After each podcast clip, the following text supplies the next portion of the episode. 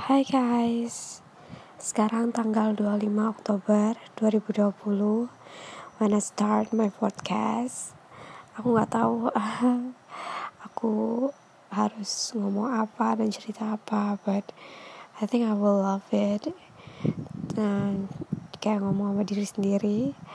I don't know apa, apakah bakal ada yang lihat podcast ini atau ada yang dengar podcast ini.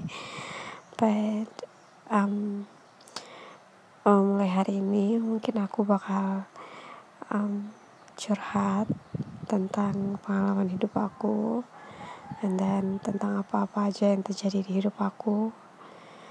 Tentang percintaan tentang pekerjaan family and friend everything